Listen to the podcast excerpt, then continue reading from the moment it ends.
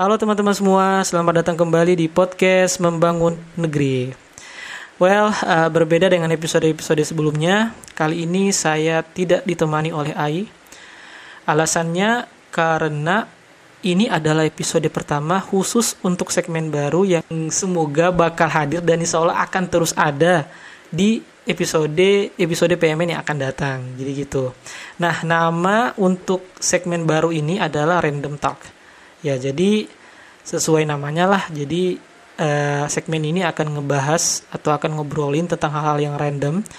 Meskipun random, tujuannya tetap satu, tetap satu visi dengan PMN yaitu semoga somewhat uh, apa yang kami obrolin itu bisa memberikan inspirasi buat teman-teman yang mendengarkan. Termasuk juga semoga bisa memberikan uh, perspektif baru perspektif baru kepada teman-teman semua ataupun juga bisa memberikan semangat uh, hidup kepada teman-teman semua gitulah. Nah, uh, sebelum saya masuk ke episode pertama khusus, khusus untuk segmen Random Talk ini, uh, pertama-tama saya ingin mengucapkan dulu terima kasih buat teman-teman semua yang sudah mendengarkan episode episode PMN selama ini mulai dari episode awal yang kami rekam pada pertengahan tahun 2020 sampai episode yang terakhir kami rekam pada awal tahun 2021. Uh, eh, intinya meskipun uh, kalau kami lihat dari analyticsnya Anchor jumlah pendengarnya secara lifetime ya secara keseluruhan masih belum seberapa tetapi setidaknya kami melihat bahwa ada yang mendengarkan masih ada orang yang mendengarkan podcast podcast dari kami berdua dari saya dan Ai uh, itu pertama ya. Jadi kami saya mengucapkan terima kasih. Kami saya dan Ai mengucapkan terima kasih buat teman-teman semua yang sudah mendengarkan uh, podcast kami selama ini. Dan semoga bisa terus mendengarkan apa episode-episode PMN yang akan datang. Insya Allah kalau terus berlanjut.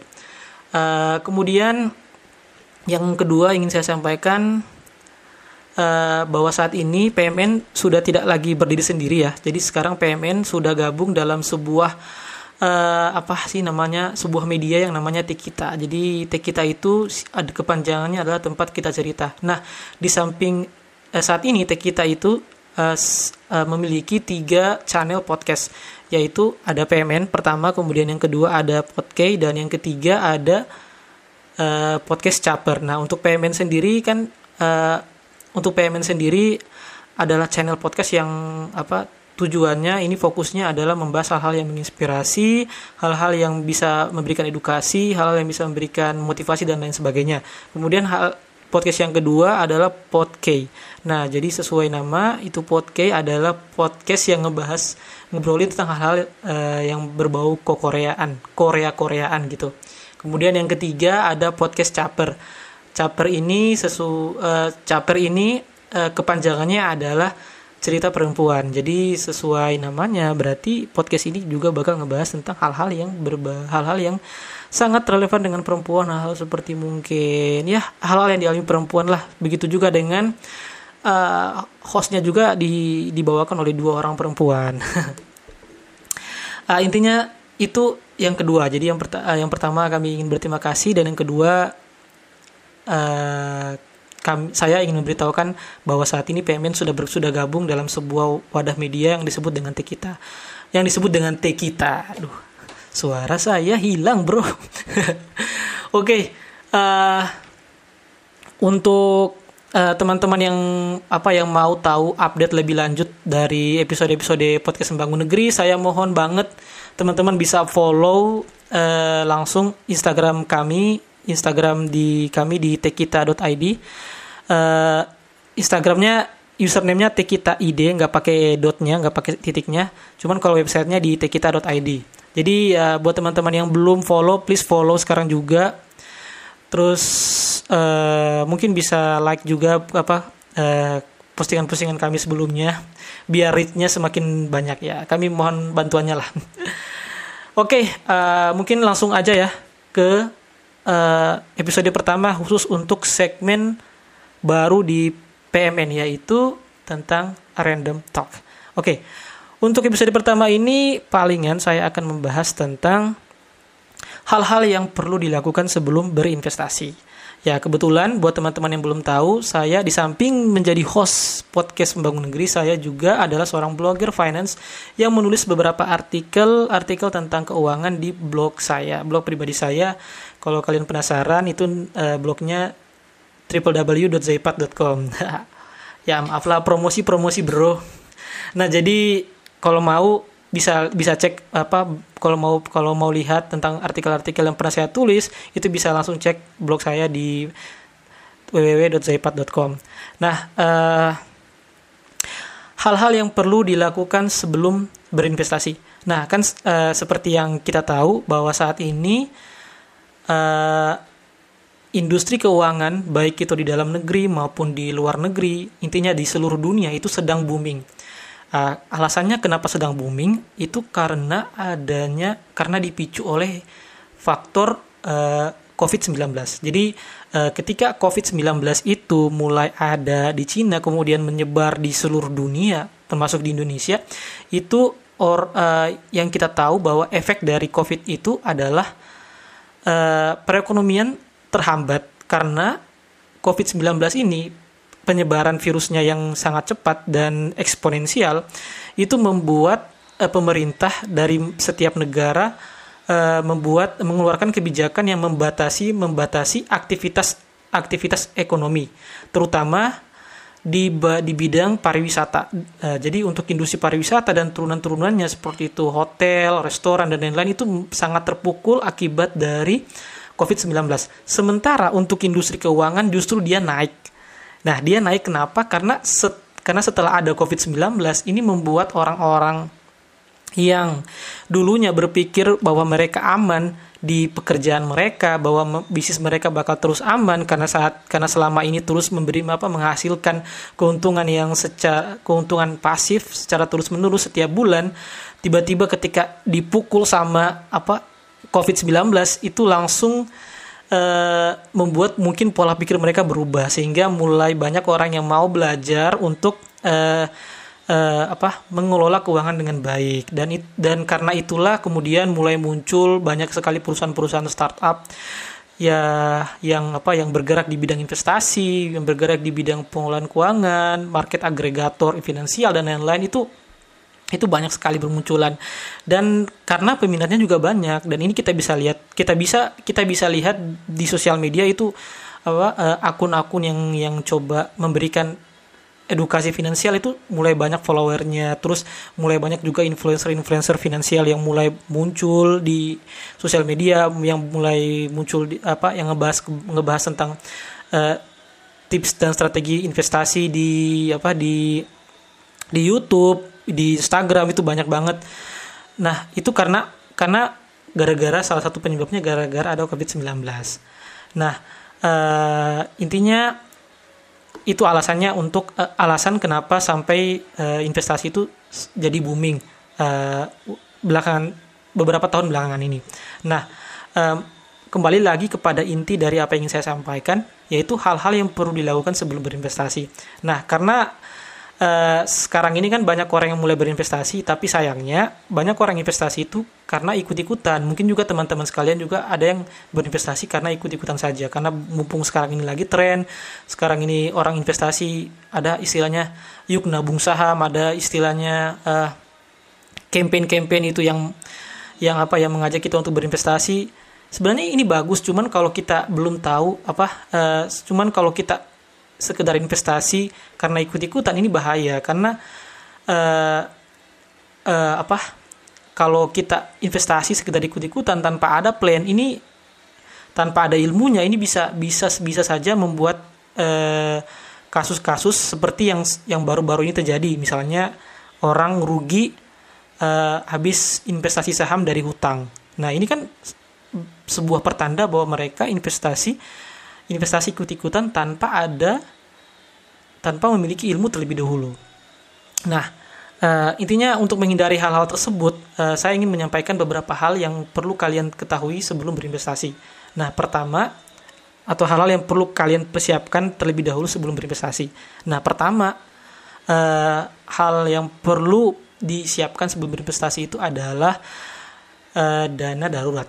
Jadi dana darurat itu apa? Dana darurat itu adalah Uh, sesuai nama itu adalah dana yang dipakai untuk keperluan-keperluan darurat. Nah, jadi kalau berdasarkan rumus-rumus dari financial planner itu biasanya minimal tiga kali dari pengeluaran sebulan, pengeluaran bulanan, atau enam kali dari pengeluaran bulanan, atau yang paling paling maksimal itu 12 kali dari pengeluaran bulanan. Nah, sebetulnya tidak ada rumus yang pasti ya, ini hanya sekedar saran saja. Namanya juga financial, uh, personal finance berarti uh, ini tergantung masing-masing orang. Cuman kalau yang minimalnya adalah tiga kali dari pengeluaran bulanan. Nah, seandainya jadi kalau seandainya peng, pengeluaran bulanan kita saat ini adalah uh, katakanlah 5 juta, berarti kalau untuk menyiapkan dana darurat minimal kita harus punya 15 juta. 15 juta ini sebagai dana darurat untuk ditaruh di instrumen-instrumen yang liquid. Apa sih itu instrumen yang liquid? Instrumen yang liquid itu artinya adalah instrumen yang mudah dicairkan. Salah satu contohnya adalah bank. Ya, jadi kalau kita simpan uang di bank itu kapan pun kita mau menarik uang kita di bank itu bisa langsung kita lakukan, baik itu lewat ATM banking ataupun lewat ATM fisik. Jadi dia liquid banget. Kemudian yang kedua bisa juga kita taruh di uh, reksadana pasar uang. Ya memang reksadana pasar uang itu tidak seliquid dari bank yang bisa ditarik kapan saja. Karena berdasarkan aturan OJK itu maksimal itu ada H plus 1 atau H plus 2. Tetapi ada solusi yang lain yaitu kalau kalian uh, apa uh, misalnya ta, um, apa berinvestasi reksadana pasar uang seperti di platform uh, Indo Premier, iPod, iPod pun atau di platform Tokopedia Reksadana atau di Bukareksa itu mereka ada fitur yang namanya pencairan dana instan. Jadi ketika kalian investasi reksadana pasar uang di situ, berapapun uang kalian di situ 10 juta mau berapapun itu bisa kalian langsung tarik secara instan sama seperti kalian menabung di bank. Ya kenapa bisa seperti itu? Ya karena mereka ada mereka itu kayak menalangi dulu. Jadi uang kita yang ditarik di reksadana itu mereka ditalangi pakai du duit mereka dulu. Kemudian nanti cairnya uang cairnya ketika uang kita yang tersimpan di reksadana itu cair, itu nanti masuk ke mereka ke dari pihak tersebut. Nah, itu yang itu kalau kalau kalian mau menyiapkan dana darurat. Jadi dana darurat itu disiapkan minimal 3 ke 3 kali pengeluaran bulanan, bisa juga enam kali pengeluaran bulanan, atau bisa juga maksimal 12 kali pengeluaran bulanan. Bagaimana kalau saya mau 24 kali pengeluaran bulanan? Sebenarnya bisa saja, cuman kayaknya rugi ya, karena kalau 24 kali pengeluaran bulanan itu berarti ada modal yang yang nganggur begitu saja tanpa tanpa dimaksimalkan dengan baik. Menurut saya tiga kali itu tiga kali pengeluaran bulanan atau enam kali pengeluaran bulanan itu itu sudah sudah boleh lah untuk uh, dana darurat. Nah, kemudian setelah dana darurat, apalagi yang harus kita apalagi yang harus disiapkan sebelum berinvestasi, yaitu adalah asuransi.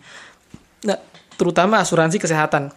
Nah, kenapa asuransi kesehatan ini penting? Karena ya kita nggak nggak tahu bagaimana ke depannya. Jadi tiba-tiba kalau tiba-tiba kita sakit keras atau tiba-tiba terjadi suatu kecelakaan, musibah yang merenggut kesehatan kita, itu kan seperti yang kita tahu bahwa kesehatan ini apa mahal kan.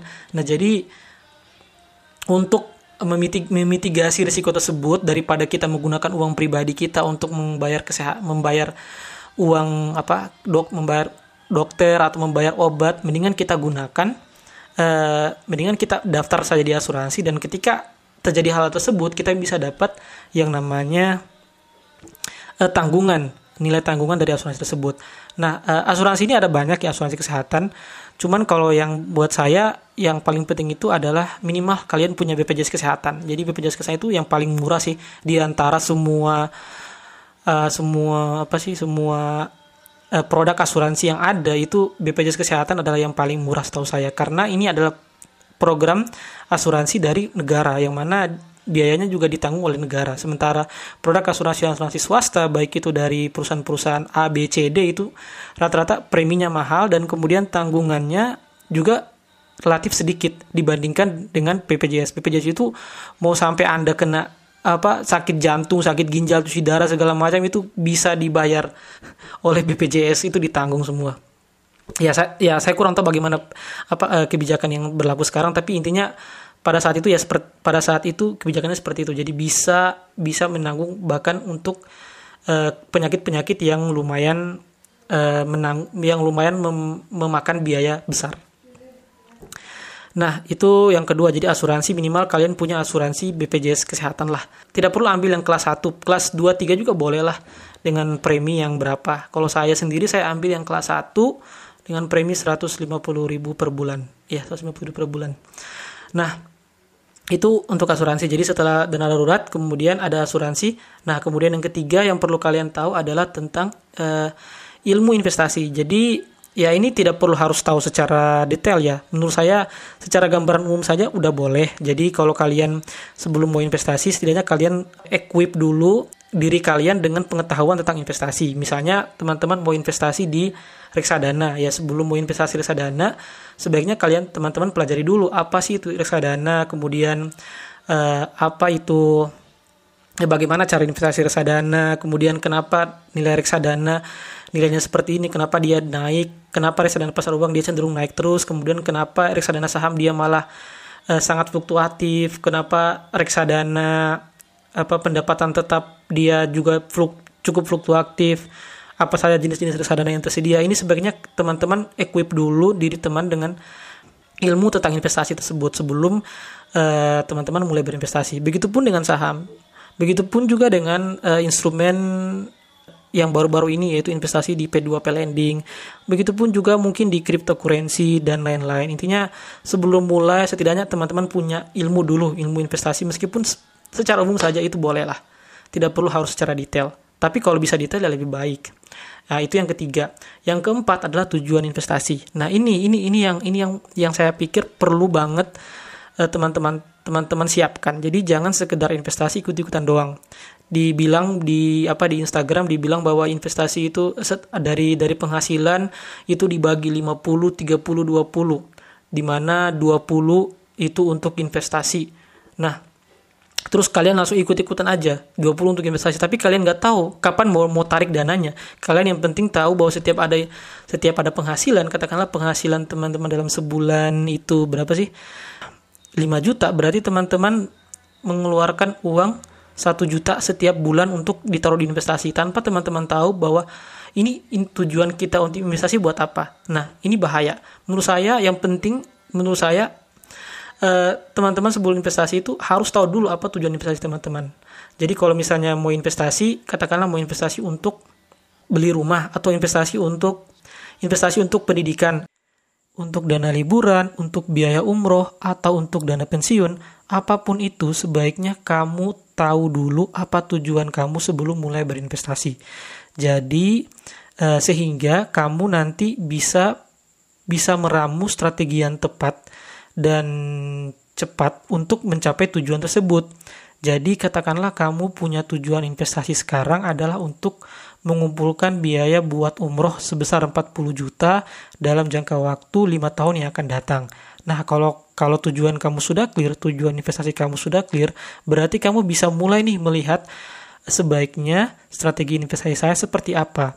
Apakah sebaiknya saya menaruh duit saya di instrumen investasi reksadana ataukah di saham ataukah di di emas ataukah di P2P lending. Jadi dengan adanya tujuan itu kamu bisa lebih mudah lagi dalam menyusun menyusun strategi investasi yang baik yang sesuai dengan profil risiko kamu dan uh, yang paling cepat dalam mencapai tujuan investasi yang sudah kamu yang sudah kamu tentukan sebelumnya. Nah, jadi itulah alasan kenapa tujuan investasi itu penting banget untuk kamu tentukan sebelum mulai berinvestasi. Nah, uh, untuk untuk merangkum episode pertama ini, jadi saya mau mulai lagi dari awal apa saja hal-hal yang perlu disiapkan sebelum berinvestasi. Jadi yang pertama itu adalah dana darurat, minimal dia tiga kali pengeluaran bulanan atau maksimal 12 kali pengeluaran bulanan. Kemudian yang kedua itu ada asuransi, sebaiknya punya asuransi kesehatan, itu penting banget minimal BPJS Kesehatan. Kemudian yang ketiga ilmu investasi. Jadi sebaiknya kita mulai sesuatu itu dengan ada ilmunya supaya bisa lebih baik dalam berinvestasi dan uh, tidak mudah uh, terjebak dalam investasi-investasi bodong. Kemudian yang terakhir adalah perlu adanya tujuan investasi. Nah, jadi barangkali itu saja yang bisa saya sampaikan untuk episode pertama ini. Sebagai disclaimer, saya bukan seorang financial advisor. Jadi apa yang saya sampaikan pada saat ini hanya berdasarkan pengalaman pribadi saya saja dan berdasarkan buku-buku atau sumber-sumber lain yang sudah pernah saya baca. So, Uh, barangkali itu aja. Terima kasih banyak sudah mendengarkan. Uh, see you on the next episode. Bye bye.